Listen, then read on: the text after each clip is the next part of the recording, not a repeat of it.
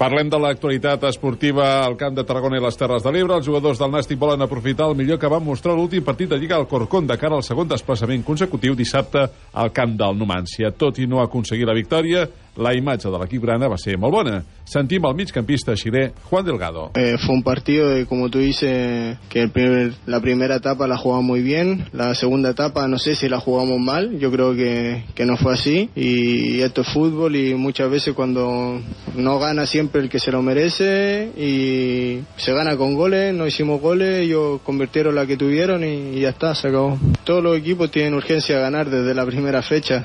Así que estamos, con, estamos tranquilos, trabajando a full y pensando en el partido del fin de semana. Delgado està prou satisfet del rendiment que ha mostrat fins ara. Diu que l'adaptació no li està costant i agraeix la confiança que li ha demostrat el tècnic. Ya son una semana acá, las sensaciones son, son buenas, cada vez mejor, mejorando tanto en lo anímico, en lo físico, en lo táctico y la verdad que la ayuda del míster y, y del grupo, los compañeros me ha ayudado mucho. Y día a día tengo que ir mejorando, afinando cosas que según el trabajo que hagamos, según lo que requiera el equipo, la, iré trabajando. En hoquei patins, el Club Patí Calafell, que ara ve a tancar l'equip que haurà d'afrontar aquesta temporada, la primera divisió, serà un any complicat per un equip que tindrà la pressió de tornar a l'hoquei Lliga.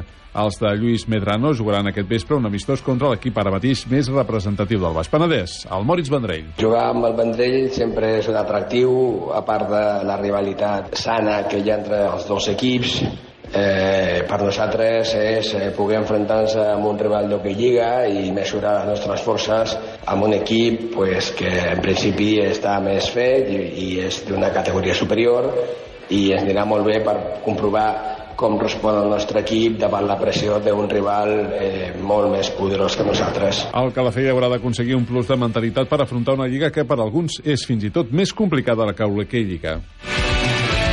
Un apunt d'atletisme dissabte que ve es disputa la sisena edició del duatló de la Pobla de Mafumet. És una prova de nivell principiant assequible per a tots aquells que es volen iniciar en aquesta disciplina. Tindrà més l'al·licient de tenir l'opció de disputar la cursa amb un equip de relleus. Ho explica Juan Fernández, el responsable de l'organització. És un duatló de modalitat eh, BTT, en el que primer es donen dos voltes a una cursa a peu, eh, després eh, són 20 quilòmetres de bicicleta mountain bike, amb un circuit poc tècnic, un circuit eh, pràcticament pla per camins de pista i que és, és un, un ideal per gent que vulgui iniciar-se en aquesta disciplina i per acabar seria una volta a la cursa a peu de 5 quilòmetres, és a dir, 10 quilòmetres corrent, 20 de bicicleta i 5 de cursa a peu per acabar.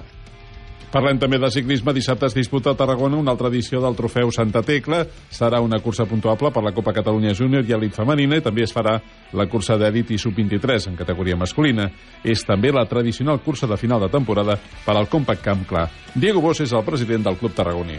La carrera de Santa Tecla prácticamente es la, la última prueba puntuable en Cataluña y espero y deseo, como cada año, que sea una buena participación y que, y que se desarrolle con, con toda normalidad y sin accidentes. Serán dos pruebas, una en la categoría junior y otra en la categoría de élite sub-23 y máster. Comenzará las carreras prácticamente a las 10 de la mañana y terminaremos rozando las dos y media de la tarde.